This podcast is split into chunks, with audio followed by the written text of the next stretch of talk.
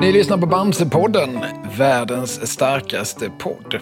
Jag heter Kalle Lind och jag har läst Bamse med viss regelbundenhet sedan 1979, när jag var fyra år gammal.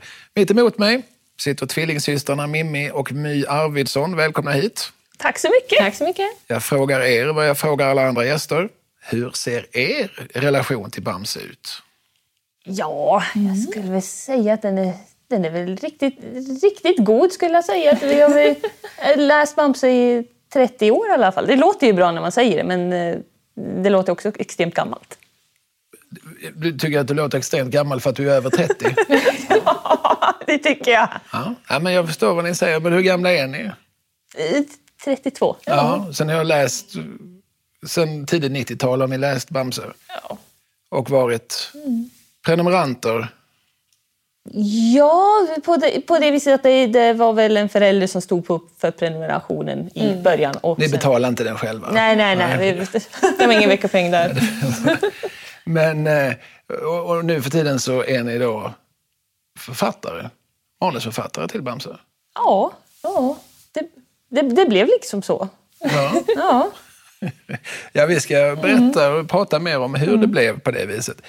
Eh, 2014 så skrev ni till tidningen Bamse med ett förslag på en ny figur till Bamse-universet. Ja, Martina Vildkatt hette hon. precis. Det var, det var så det började. Det var 2014.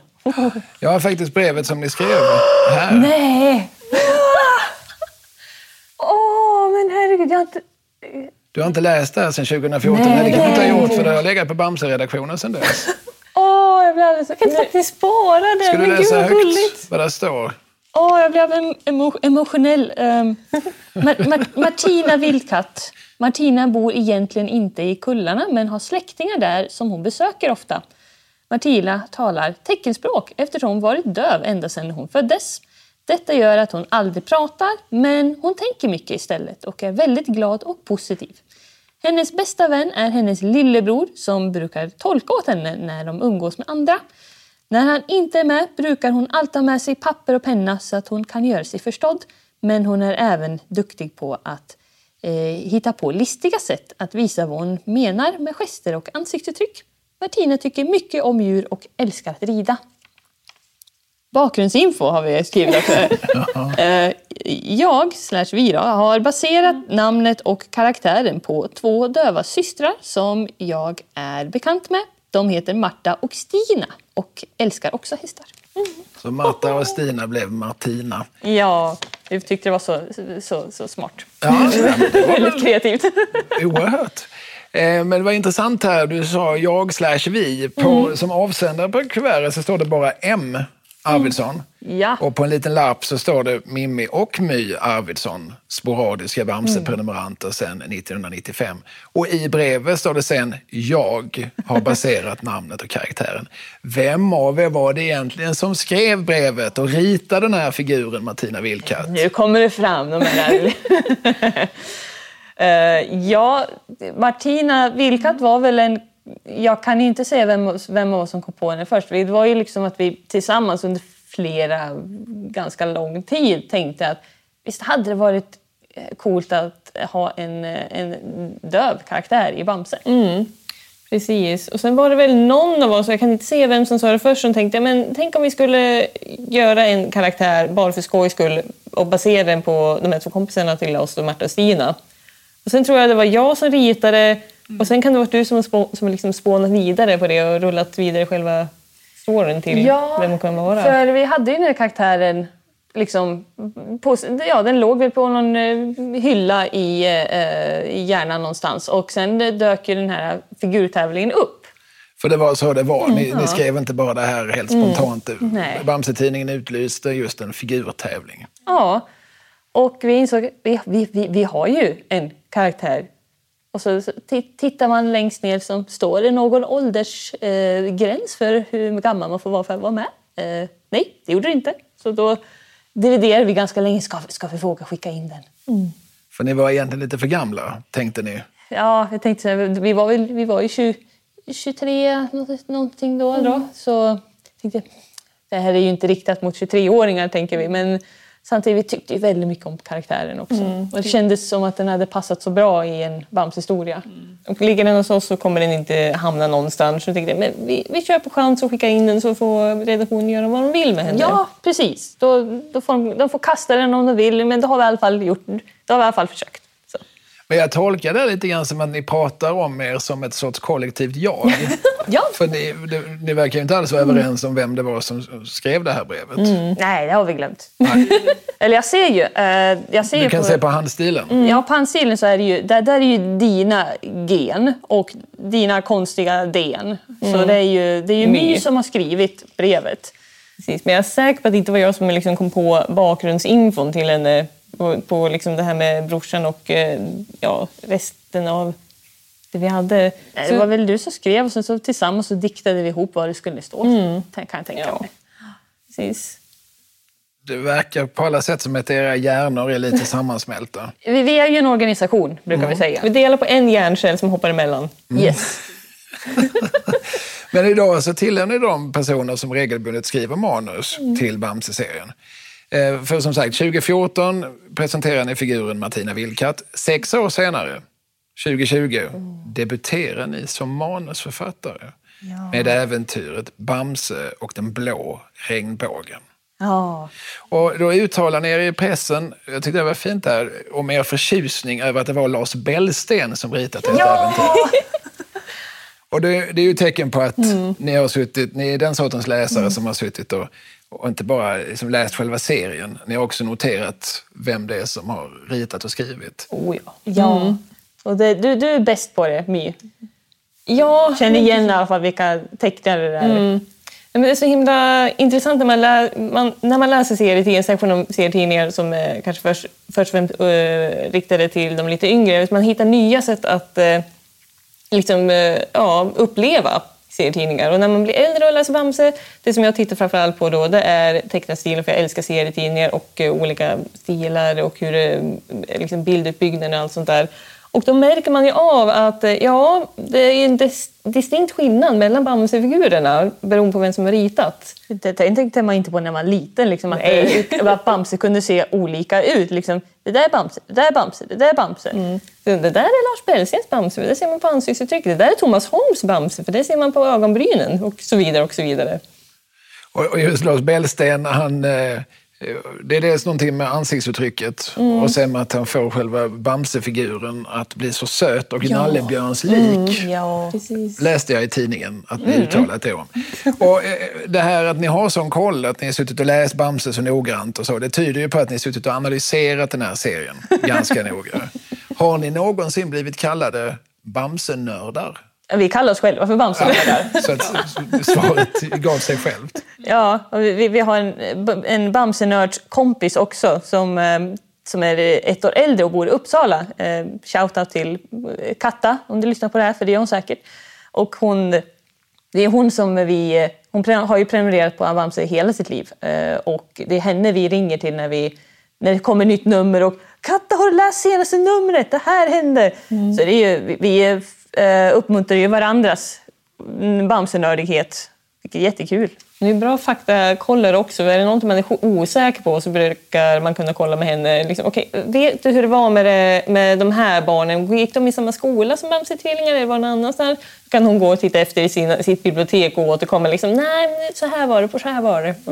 Så hon är lite konsult även alltså på, redan på manusstadiet. Bamsekonsult låter som en väldigt bra titel nu.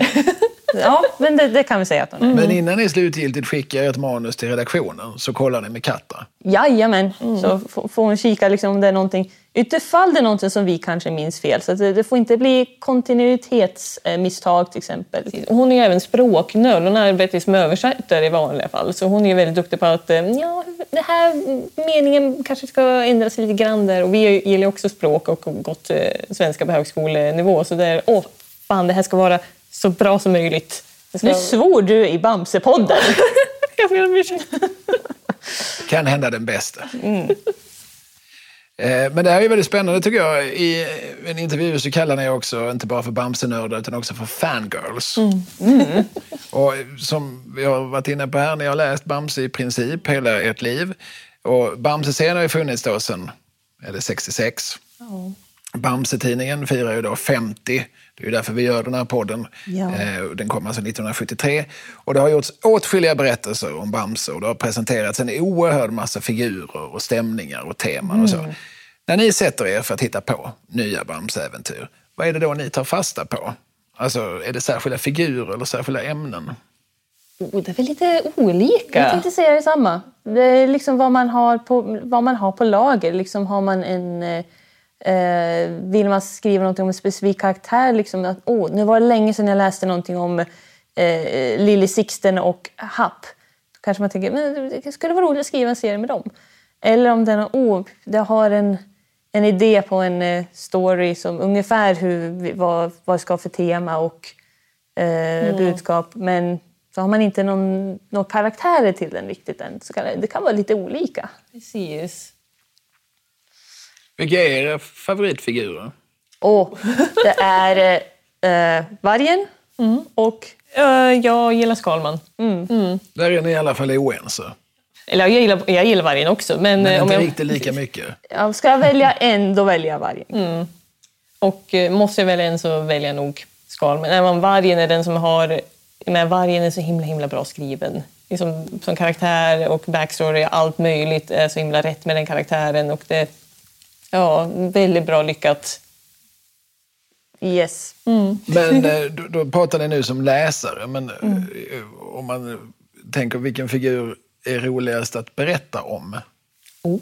Alltså, jag, där kommer, måste jag ju erkänna att Skalman är rolig att skriva. Just för att han får använda så byråkratiskt och orimligt svårt språk. Och, eh, och det är, visst, det är en tidning för barn, men de andra karaktärerna de förstår inte heller vad han säger alltid. Så det, är- det är lite okej. Liksom det, är- han är, det är meningen att man, att man inte riktigt ska förstå vad Skalman säger ibland. Ja, ja, Bamse och Skutt är väl där vid vad man skulle kalla ställföreträdande barn. Ja, men det kan man säga. Alltså de får ställa Mm. de frågor som barnet, läsaren, förställer. Så får man ju det förklarat för sig. Ja, så det, så fan, så det, det är ju roligast med att skriva Skalman. Ja, precis. Så där får man tänka till lite extra för att det, ska bli, det ska vara lagom svårt, det som han säger.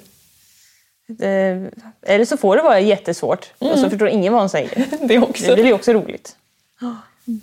Men då är det som dialogförfattaren i pratar nu, Skalman är, är, är roligast att skriva repliker till. Ja. Men är han så bra att använda som huvudperson i ett eh, äventyr? Ja, det kanske han är. Det är en väldigt bra fråga för tekniskt sett han är ju lite, hur ska man säga, engelska uttrycket OP på det viset att eh, är, Overpowered som Precis. det heter på engelska. är han med i ett äventyr då är det ju oftast han som är lösningen på problemet. Så ibland när man kommer på ett bra äventyr så tänker man att vi måste hitta ett sätt att inte ta med Skalman för annars kommer det här gå för, annars blir det för lätt. Annars blir det lösningen, han är alltid Ja. en del av lösningen. Så på det viset är han väl han är tacksam att ha med om man behöver komma på ett lätt svar och eh, slut på en story. Men vill man att det ska vara... Ja, men, tänk om jag vill att Lille Skutt ska få komma fram och göra någonting, vara duktig och vara svaret på en fråga. Då kanske man eh, inte kan ha med Då kanske Skalman. Skalman är upptagen eh, med någon uppfinning eller så har vi alltid hans mat och sovklocka så att han kan bli, man kan göra honom fullkomligt värdelös om det som man måste det. Men det, också, det eh, känns också som man får inte använda det för ofta för då börjar man hata den karaktären. Utan eh, finns det... Eh, ibland måste man tänka, okej, kan vi lösa det här utan att ha med Skalman? Men ibland så är det ju roligt att ha med Skalman så Oh, man ska ju använda honom, men med måtta. Andra figurer som är roliga att jobba med? Ja, vilka har vi jobbat med nu då? Men alla har ju någonting eh, som gör att de är eh, extremt ikoniska och roliga på sitt sätt.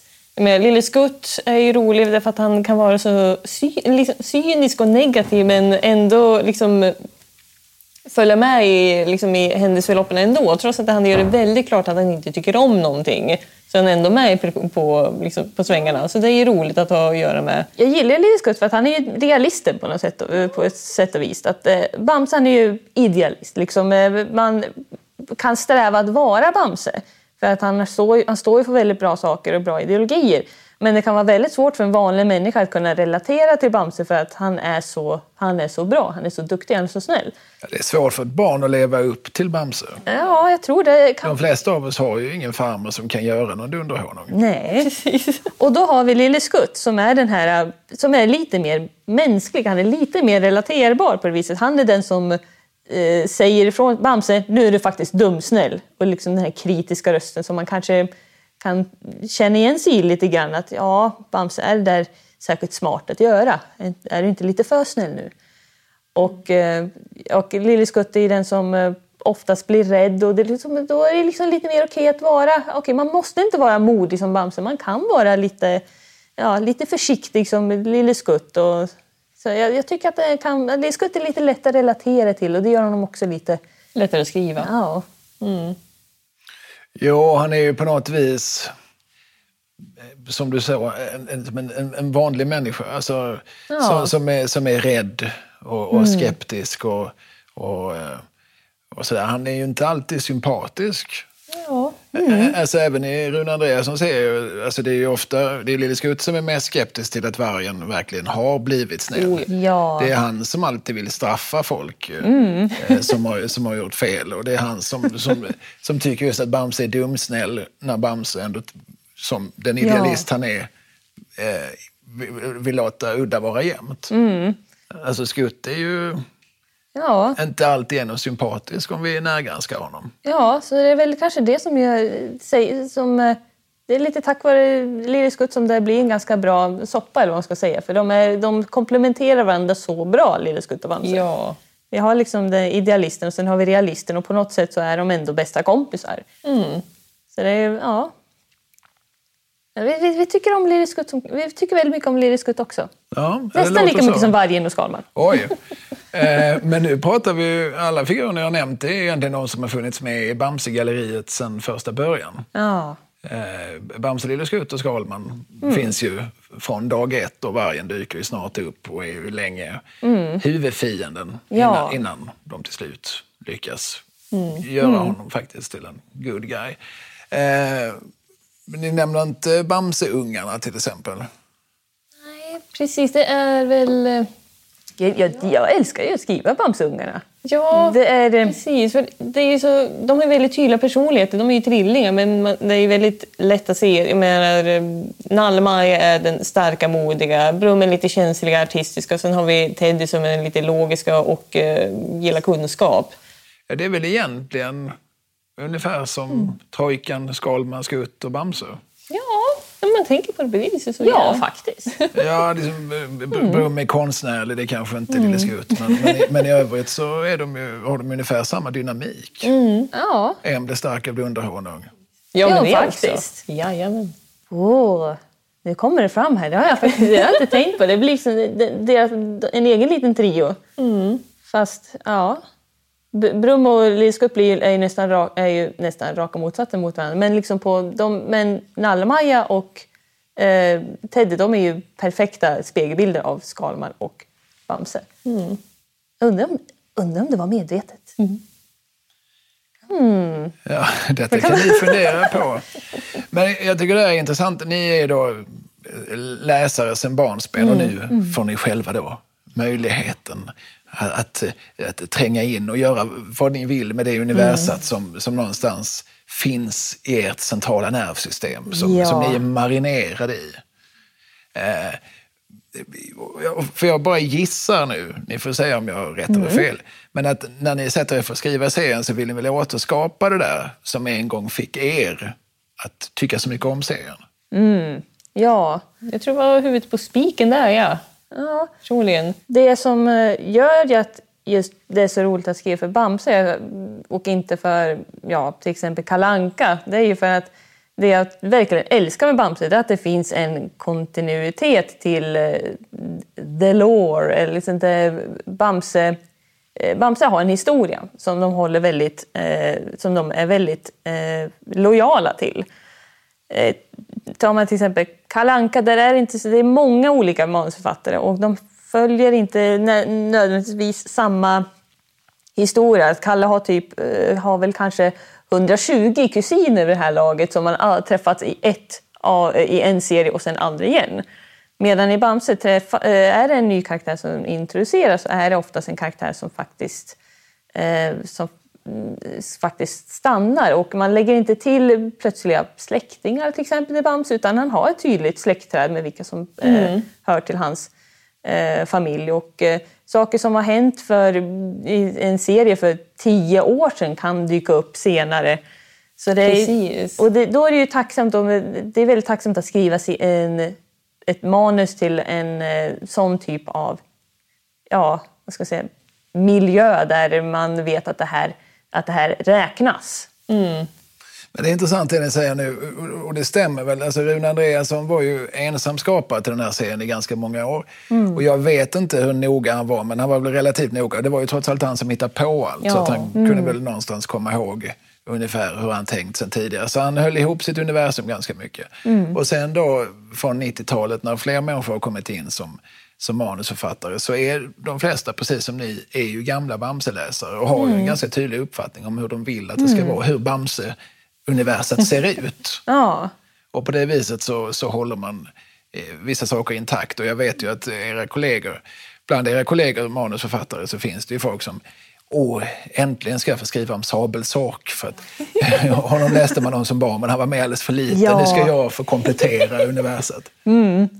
Ja, men precis. Så Har ni där... några favoritskurkar? Åh, oh, det är bra. Så. Ja, jag får ju inte se vargen för han är ingen skurk längre. Nej, Nej precis. det får du inte det faktiskt. Blir, mm, dessutom har du redan sagt det. Ja, precis.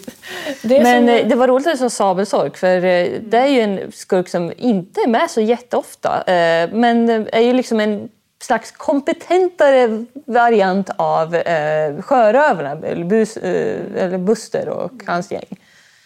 Så eh, Sabelsork är ju liksom, han är ju bra. Mm. Han är bra. Och... Ja, med honom så då får man ju skriva riktiga äventyr som mm. har, liksom, där det finns lite spänning på riktigt. Ja. Om man jobbar med Sjörövarna då blir det väl lite mer slapstick. Exakt. Lite mer, mm. alltså, de är ju ganska ofarliga. Ja. Även för, för ett barn. Mm. Mm. Man ska skratta åt dem, man ska bli rädd för dem ungefär. Det på den, den nivån. Även när Kapten Buster blir arg och, och skäller på sina medrövare så, så skrattar man ju som ja. barn åt honom för att uh, ja, de är han liksom... framstår som lite fånig. Precis. Eh, men sabelsork är bra. Eh, sen har... Jag måste ju nästan säga Reine Räv där. Ja, och, det... och det är konstigt för det är ju ändå en karaktär som man inte själv växte upp med. Så när man väl såg honom på framsidan eh, så tänkte man, vem är det här nu? Vad är det för en karaktär? Och de gjorde en ganska stor deal av när han dök upp också. Men gud vilken bra ny introduktion till när det kommer till skurkar i Bamsevärlden. För han är, helt, han är lika som Skalm på det viset att han får ha ett annorlunda språk än vad ja, de... han är ju... Det är lite... Han utmärker ju... Renats eh, mm. Ja, kanske inte lika mycket på att han pratar komplicerat som Skalman men man märker att det här är en karaktär som är... Han får vara smart, som är intelligent. Inte bara, liksom, vargen kunde vara listig, men det var inte något som definierade honom. Det är, det är något som definierar Reinar i och med att han är extremt intelligent. Vi ser det i liksom ser det, han är med om, man ser honom i Mikkelborg. han har litteratur som jag, jag som sjuåring hade inte vetat om vilka de här författarna är, men jag som 30-åring vet absolut att det här är ju djupgående litteratur som han är involverad i. Och, och han får dessutom inte riktigt eh, misslyckas lika mycket som andra tuffingar Bamse får göra. Han får vara, han får vara lite läskig. Han får vara... Mm, han är hotfull på riktigt. Precis. Mm. Och det var jätteintressant. Jag önskar att eh, han hade dykt upp när jag var liten och läste serien för det hade absolut blivit min favorit hos mig då också. Men... Ja, det, det är liksom... Man, eh, dels för att han är så, han är så intelligent. Och, eh, men samtidigt eh, Ja, man vill göra honom rättvis. Ja, precis. Det får inte bli... Man vill att han ska behålla den här integriteten om att vara den absolut smartaste och kanske mest hotfullaste eh, skurken som vi har Bamse idag. Mm. Han är ju en sorts typ som dyker upp då och då i populärkulturen. Han är ju det kriminella geniet. Mm. Ja. Som eh, Charles-Ingvar Jönsson i Jönssonligan. ja. och så. Eh, Alltså som kombinerar eh, en högfungerande hjärna med en lågfungerande moral. Exakt. Och som väl rent av liksom, trivs med tanken på att ställa till det för andra. Det finns ju som något sadistiskt drag kanske hos Reinhardt. Ja, Precis. jag är ju fruktansvärt nyfiken på. Nu kommer jag till min skam inte ihåg vem det är som har skapat eh, eh, Reinhard. Mig var Joakim. Jag tror det är Joakim. Men, Vi tror att det var Joakim Gunnarsson. Han kommer att vara med även han i den här serien så han får bekräfta Mm, ja. eller dementera. Hemskt gärna. Så, men jag är ju hemskt nyfiken på, för Vargen hade ju en extremt detaljerad och väldigt välskriven eh, bakgrundshistoria. Och jag, vi, jag, tror inte vi ens har, jag tror inte ens vi har kikat på Reinhard. Vart kommer den här karaktären ifrån? Vad har han varit med? Vad, har gjort, vad är det som har skapat Reinhard Räv? Så det är jag fruktansvärt nyfiken på. Att, om, vi, om vi någonsin kommer få reda på, på det. För det, ju, ju, det finns ju liksom ett... Eh, det finns ju en fördel att en eh, sån här... Att hålla mysteriet uppe också. Ja, att behålla mysteriet lite grann om vem Reina Räv egentligen är. Men eh, samtidigt vill man ju veta. Ja, precis. Men du är ju inne på någonting väsentligt där. Alltså, ju mer du vet, desto mer förstår du, desto mer lär du känna. Och då kanske resultatet blir att han blir något mindre hotfull. Och, alltså om vi börjar sympatisera lite för mycket med Reinhardt så blir han ju inte lika ondskefull. Och det Precis. kanske är en effekt man vill åt, men man får vara medveten om det. Det är ju en bra poäng för eh, För- Krösus. Ja, jag ska bara säga också, Rune Andreasson han väntar ju med att skriva vargens bakgrund tills Mm. Ja. vargen faktiskt blivit snäll och blivit en figur vi, Mm. vi, vi hyser sympati för. Sen har Förlåt, vi... Krösus. Ja, Krösus Ork. Där är ju en eh, bad guy som eh, har, också är... Ja, på något sätt vis är han liksom en blandning av... Eh, han är lite, lite reina på det att han kan vara hotfull och sånt där. Men sen har vi också här den lite komiska delen av Krösus Ork också. Men på det stora hela så ska han ju framförallt bara symbolisera liksom, eh, kapitalismen. Det är absolut värsta med kapitalismen på något sätt. Och, eh, Girigheten. Ja. Mm. Och honom, vi har ju fått en backstory på honom. Han hade ju ganska lite ledsam barndom han också. Men eh, så jag tycker nästan att han... Eh, vargen fick man ju väldigt mycket sympati för från hans bak, bak, eh, backstory. Krösus fick man... Ja, det var lite synd om honom. Men sen blev... Men på grund av de valen han gjorde, liksom, det var ju liksom... Eh, Nej, han var, han var dålig från början, om jag får säga så.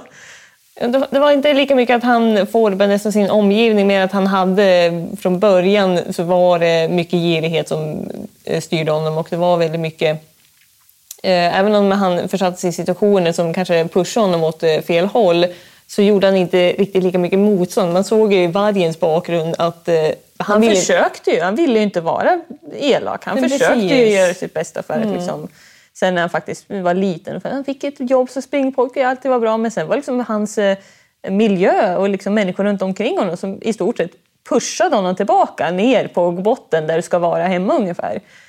Krösus, han hade liksom... Han var ju mest bara avundsjuk. Liksom, att det var ju liksom inte så mycket...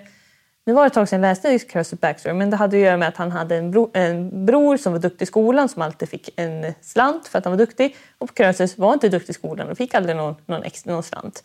Och så blev det liksom att han fick sån, eh, att han hyste som avsky till sin bror.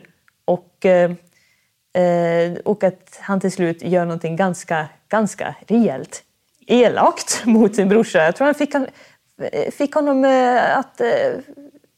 Eh, var det inte Krösen som fick, satte sin brorsa i, i finkan? Oskyldigt! ja, men det, ja, så Krösus han har liksom en helt annan, en helt annan typ av bad guy där. Vilket är också intressant att se att eh, visst, det kan vara flera karaktärer som är, liksom, har definitionen skurk men det kan vara helt olika saker som har lett dem den vägen. Så det är ju intressant att man är noga med att eh, alla är inte likadana. Allting kom, alla kommer från olika ställen. Det är ganska djupt för att vara för ganska djupa teman för att vara för liksom en barnserie. Ja, liksom den, här, eh, den här personen är, eh, är en skurk, eh, citationstecken, för att han växte upp under hemska förhållanden och folk var väldigt, var väldigt elaka mot honom. den här personen är en skurk för att han blev avundsjuk på sin, på sin bror som hade en mycket lyckligare lott i livet. Och sen har vi Reinhard som vi fortfarande inte vet vad, vad det är som har skapat honom. Mm. Mm. När man apropå djup och bredd och rikedom och så, så om vi tittar på Bamse-serien rent genremässigt så är det på ett vis jättemånga genrer inom ramen för mm. en. Eh, om vi tittar på hur Bamse ser ut i början, alltså när den skapas på 60-talet. Mm. Och det är den här trojkan. Då är det ju en, en äventyrsserie. Ja, då är det, de åker till månen, det är undervattensäventyr, de åker tidsmaskin, ja. de är i vilda västern och sådär. Mm. Och så ganska tidigt så trängde sig sociala frågor in i serien. Vi pratade ja. lite grann just om, om, om vargen då, världsmästaren i elakhet mm. som successivt går över till den ljusa sidan genom att ja. behandlas som en människa. Eller som en varg. Eh, och, så, och, och Krösus Sork, som ni sa, han är ju liksom en kapitalistkarikatyr. Mm. Och sen på 80-talet så gifter sig Bamse. Just det! Ja. Skaffar fyra barn. Ja. En av, ett av barnen får glasögon. Mm. Ett har någon form av funktionsvariation. Ja. Brummar. Jag vet inte vilken diagnos Ja, som de lämnar det lite, lite osagt. Mm. Någon, någon typ liksom på autismspektrumet eller något sånt där. Mm. Eller Ja. ja det är min tolkning mm. också, men mm. jag tror aldrig att det har sagts rakt ut. Nej. Utan det är någonting som vi själva får, får gissa oss till. Och sen längre fram då, så, sen börjar ju Bamsebarnen skolan. Och då träffar vi bråkstaken Burre. Mm. Eh, vi träffar Björna Li som har adoptivföräldrar. Ja. Eh, och på senare år, som ni var lite inne på, Lille Skuts bror Happ har ju mm. dykt upp och han har adopterat en son tillsammans med sin man Sixten och så. Och då har ju som nya teman kommit in. Mm. Och sen så parallellt, åtminstone som Bamse-tidningen skapas då 73, så finns det ju också de här med renodlat komiska serierna. Ofta mm. Jansson och husmusen som, ja. som bråkar om farmors gunst. Eller så här. Det brukar vara ja. kanske tre sidor. Så ja.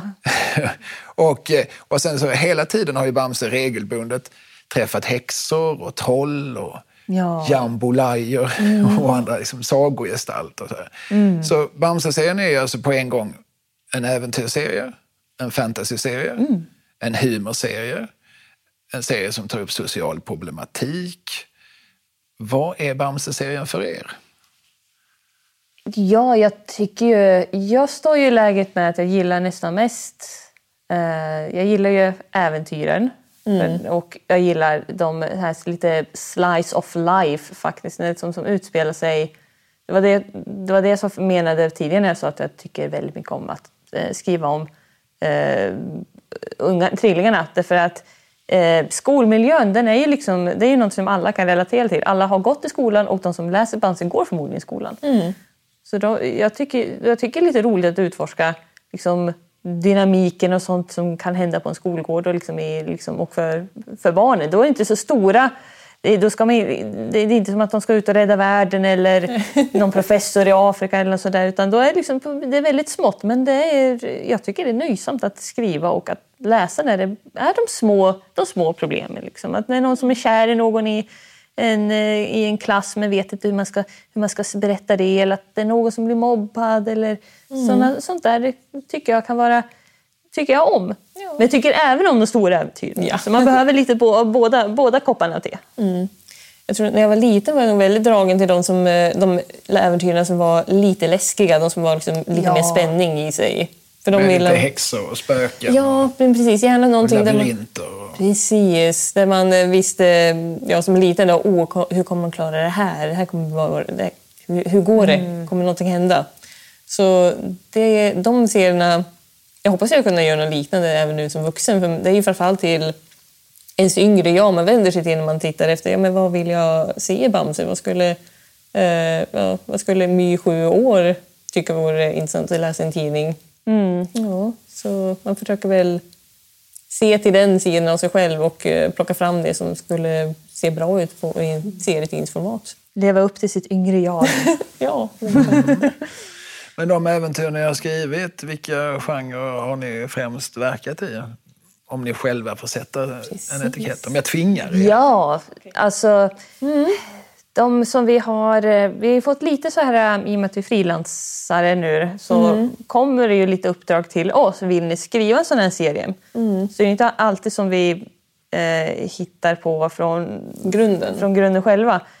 Eh, till exempel, en- vill ni skriva en serie om bombning? Ja, då blir det ju en slice of life liksom, i skolmiljö. Då blir det svårt att göra ett stort äventyr av det. Men eh, det är ju, Den blå regnbågen det är ju definitivt äventyr på det. Och- Det var ert första publicerade äventyr. Jajamensan.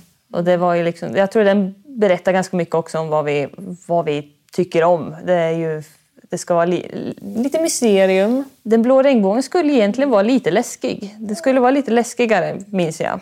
Eh, Men vi, det var så svårt, vi hade så svårt att komma på ett bra slut. För det är lätt att komma in liksom att bygga upp det läskiga.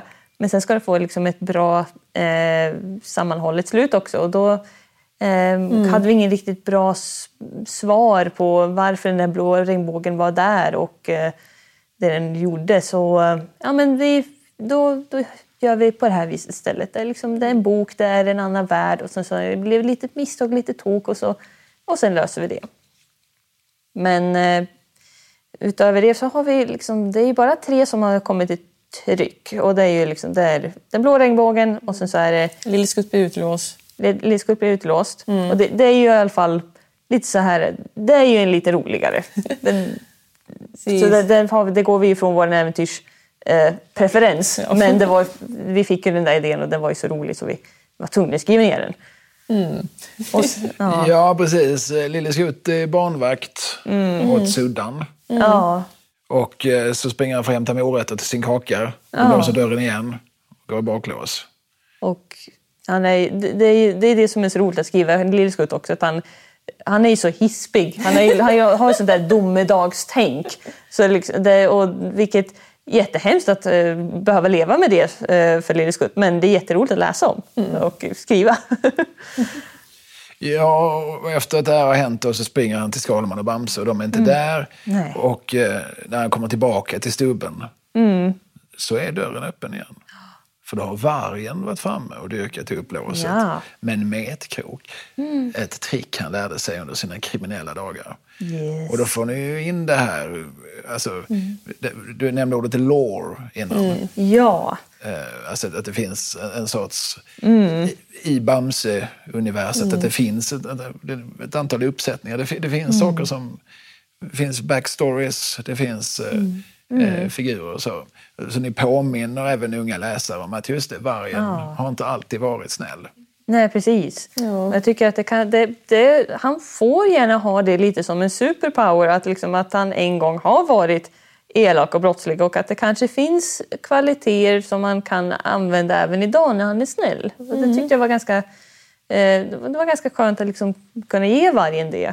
Och särskilt i en serie med Lille Skutt i och med Ja. att Lille Skutt fortfarande inte riktigt litar på vargen. Precis, det är något som man åter, ja, återbesöker ganska konstant i Bamse-serien. Att Lille Skutte hör till den gruppen av folk på kullen som fortfarande inte riktigt är helt hundra på att vargen är helt snäll. Liksom, ja, jag, kan, jag kan acceptera att han är med i gänget och sånt där men jag tänker fortfarande vara lite, lite anti.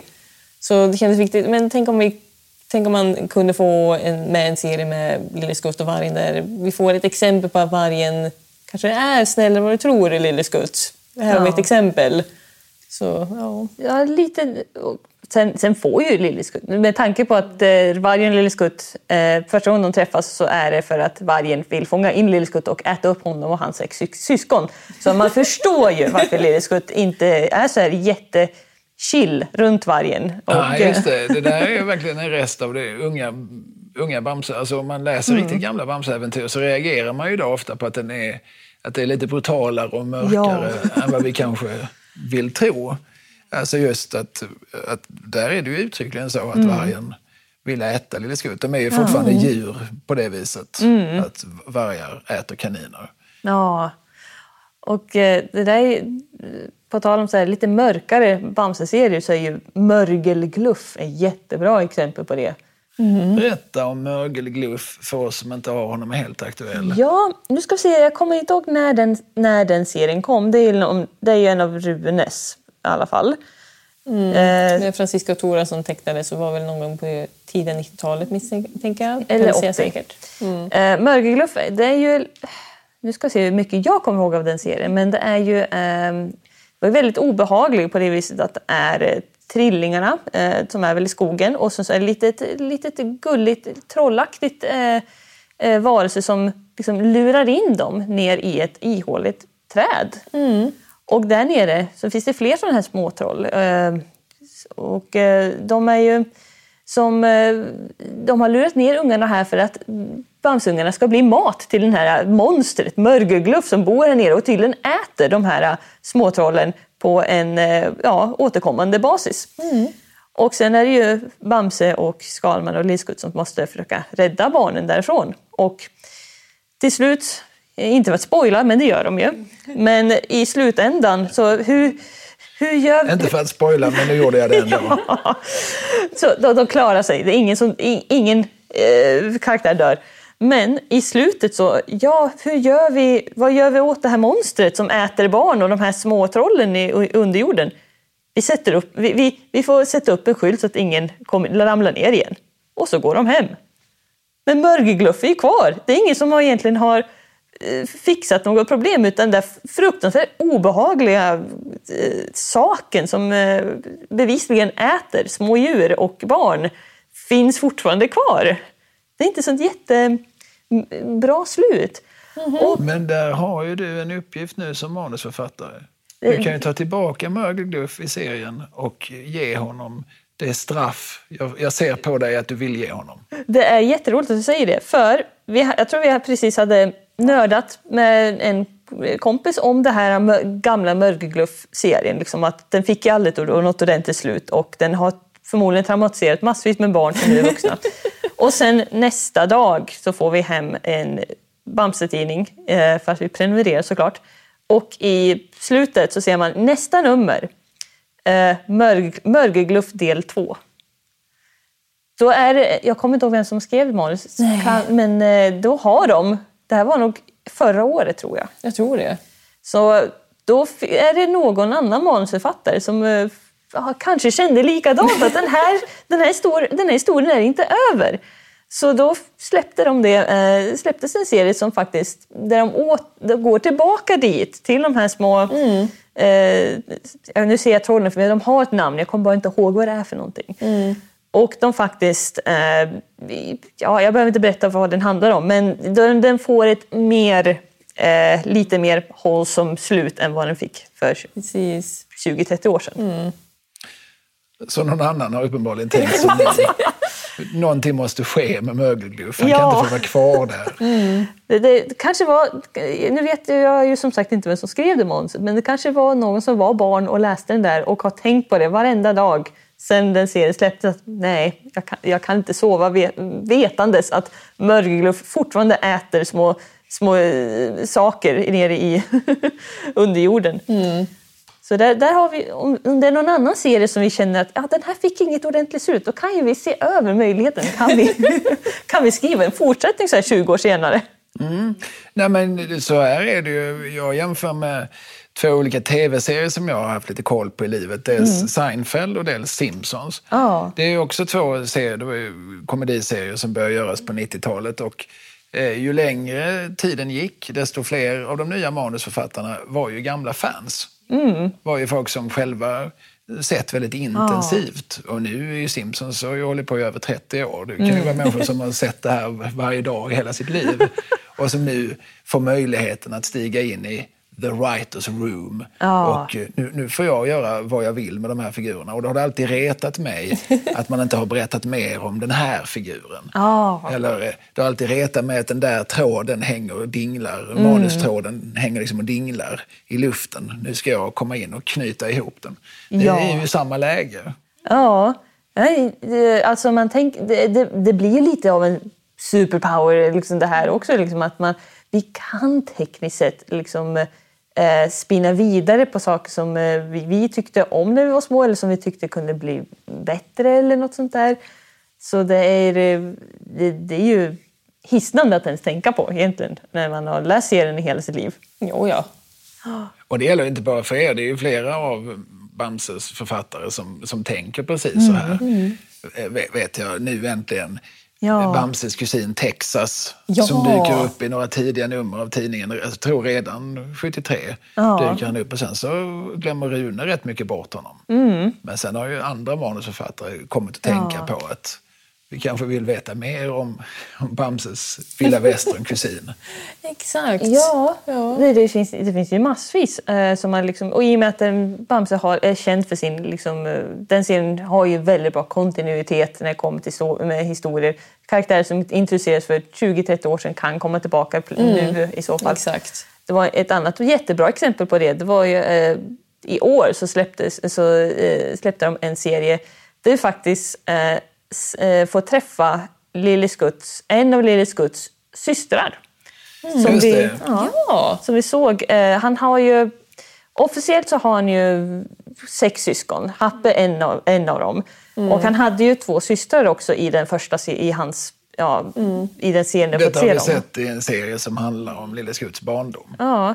Precis, det var väl i Så börjar det. Liksom en, eh, Ja, precis. fin, en gammal Bamse-extra där man får se hur eh, både Bamse och eh, Lille Skutt kommer att bli, lära känna varandra. Och då ser man en hel hög med syskon som Lille Skutt växte upp med. Ja.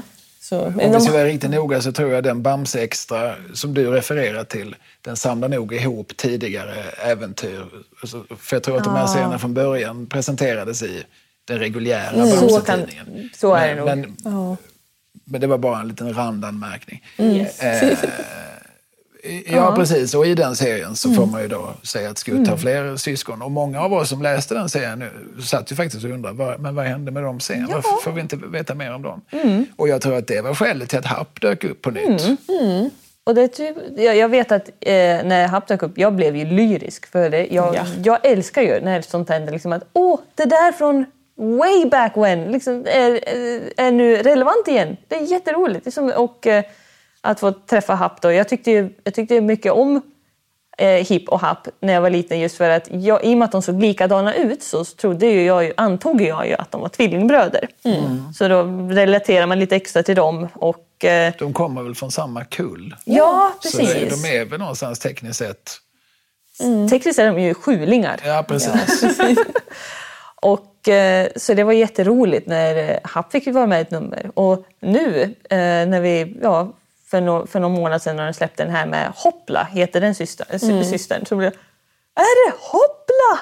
Har de, har de tagit tillbaka Hoppla? Man blev, jag, jag vet att jag ropade på dig och liksom, kom och titta! Kolla vad de har gjort! Så det var jättekul. Delar du den här entusiasmen? Blir du lika glad? Ja, för att åter oj, säga ja. hoppla? ja, absolut. För det, för, jag, menar, det finns, jag gillar när man utvecklar vidare på karaktärers bakgrunder och sånt där. Och jag gillar när det har liksom vikt och betydelse även senare. Och som sagt, eh, det här är ju liksom en outforskad del av Lille Skutts karaktär, att han hade väldigt, väldigt många syskon. Som man knappt har utforskat alls sen det introducerades way back. Så det, var, det är jätteroligt att se de här syskonen liksom ploppa upp lite här och var nu. Som är liksom bättre sent än aldrig, men det är ju liksom en... En viktig del av hans eh, Ja. karaktär är att han, han kommer från en stor familj. Men vi Precis. får ju egentligen inte se det eh, nu, nu då när han är vuxen och inte träffar Så jag, sina syskon. ja, så jag hoppas att man får träffa fler syskon från honom. För att det är... eh, Jag menar, Och återigen, det här kan väl ni se till? Ni har ju den makten. Jag har den makten! och det var det som var roligt också när vi upptäckte att Hoppla eh, hade fått en, var med i en serie. Eh, I den serien, de har ju ingen personlighet, barnen, eh, hans syskon, i när de introducerades. där de intresseras. Eh, Men i den här med Hoppla, då framstår det att hon är lite, eh, lite hon gillar att skämta. Och Liksom lite retsticka. Ja, och vi, just då höll vi på med ett manus som eh, redaktionen hade frågat om vi kunde skriva en eh, serie om, som utspelar sig när, ba- när Lille Skutt är liten. Och då, är ju, då har vi liksom, eh, fokuserar vi på att han, eh, på hans syskon, vi tar med hans syskon därför att det är en stor del av när han var liten. Det, det är svårt att skriva en serie om, om Lille Skutt ut, eh, när han var liten utan att ta med att han hade massor av syskon. Och då gjorde det så att ja, men kan vi inte göra så att vi ändrar lite grann på det här i det här manuset så att Hoppla framstår som lite av en skämt och retsicka här också. Så att det, vi bygger på den kontinuiteten. Vi eh, ser till att den, den personligheten hos henne får eh, synas igenom även i våran serie. Så det var ju jättebra timing att den där dök upp i brevlådan. Precis. Du, du sa det som hastigast tidigare att i nuläget så har ni fått tre manus upptecknade och publicerade. Yes. Och vi nämnde alla namnen på det tredje. Det var Den blå regnbågen, Lille Skutt blev utelåst och... Sen har vi, ver, eh, vad heter det, eh, Virrigt värre Lille Sixten. Den är inte publicerad än. Den är inte producerad. Nej. Nej, men alla vargar är tjuvar. Den är Ja. ju alla varje tjuvar. För Virrit Verre Sixten med flera är i den så kallade pipen. Yes. Det kommer ju fler under 2022 och när det här släpps så är ju året 2023. Då kommer det ju ännu fler Ja. äventyr signerade Tvillingarna Arvidsson. Jo, ja. Det- ja, det, det, det är alltid så här liksom, när man får hem ett nummer liksom, att man efter man läst tidningen så kollar man liksom, vad är det, på, vad är det nästa gång? Okej, okej, det, är- det är inte någon av våra serier som är det. Okej, men det är bra, det är okej, det är quick. Okej, men det, är så här, man, det är alltid lite pirrigt när man får hem ett nummer för vi vet inte när de där släpps. Nej. Så, men då blir det liksom en liten överraskning när man, eh, när man får hem de här i brevlådan. Och, ja. Så det, är- det, det är lite, men det är lite kul. Det är bra att inte veta också, för då- det är roligt med överraskningar. Ja, Alltså. men precis. Eh, är det någonting vi inte har sagt som ni tycker är viktigt att få fört till protokollet? Har vi pratat om hur era manusprocesser ser ut? Har ni hittat någon, någon metod? Du nämnde det att flera gånger har det varit på redaktionens anmodan, alltså att de har kommit med ett tema till er. Ja, Eh, det är väl lite så. Vi, ibland när man är tyck, ute och promenerar eller något sånt där så kan man liksom få, okay, det här, få en idé. Det här, kanske, det här kanske kan bli en serie. Och då, kan, då har vi ett eh, Word-dokument där vi skriver ner så lite lösa idéer. Liksom, det här skulle kunna hända, det här skulle kunna hända. Så har vi det där och så ligger de där tills vidare. Precis, det är liksom en marineringsprocess där. Man får ofta ett korn av en story som man sen skriver ner vad som man inte ska glömma bort den. Och sen när man har glömt bort den så går man tillbaka och kollar in i dokumentet och med nya ögon så kan man läsa igen det. Jaha, ja den där, den. Ja men, ja, men nu vet jag hur det här skulle kunna gå vidare. Därför man behöver ibland få lite avstånd från storiesarna för att, liksom, ja, för att de ska ta sig någonstans. Mm. Det var ju, vi, då vi fick eh, förfrågan lite löst där, liksom att vi skulle, att, från redaktionen där de säger att de skulle behöva en, eh, en julserie. Och vi liksom, oj, vi, kan inte, vi har ingen julserie på lager. Så vi var tvungna att säga att ah, vi kan inte komma på någon just nu, eh, tyvärr.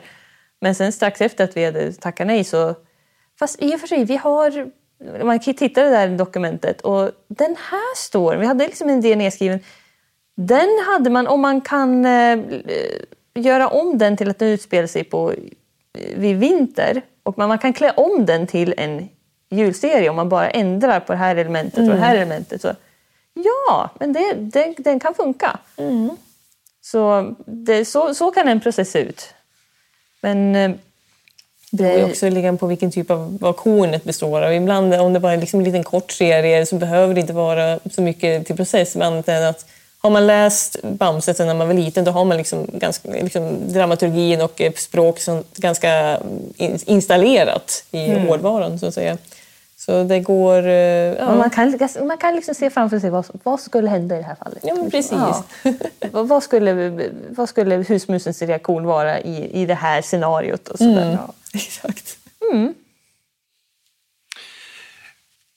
Med andra ord, det låter på er som att det kommer att komma ännu fler serier signerade ja, My och Mimmi Arvidsson framöver. hemskt gärna. Oh, ja. Ja. Ja, det skulle vara roligt. Och jag har ju lite, vi har ju lite på lager som vi jättegärna vill, eh, vill presentera fram eh, så småningom. När vi har, nu nu har vi ganska späckat schema eh, fram till februari. Precis. En som skriver, skriver klart precis och sen har vi någon som ska vara klar till eh, november, december tror Eh, jag. första november. Ja, så var Och det. det är den där julsagan. Ja. Nu har vi precis skickat in eh, spoiler, Lill-Nöffe kommer bli kär i ett framtida eh, serie. Så Så, väl- Ja, det har jag förstått att det kommer att bli en fortsättningsserie. ja. Så det finns mycket att berätta om Lill-Nöffe och hans ja. inre liv.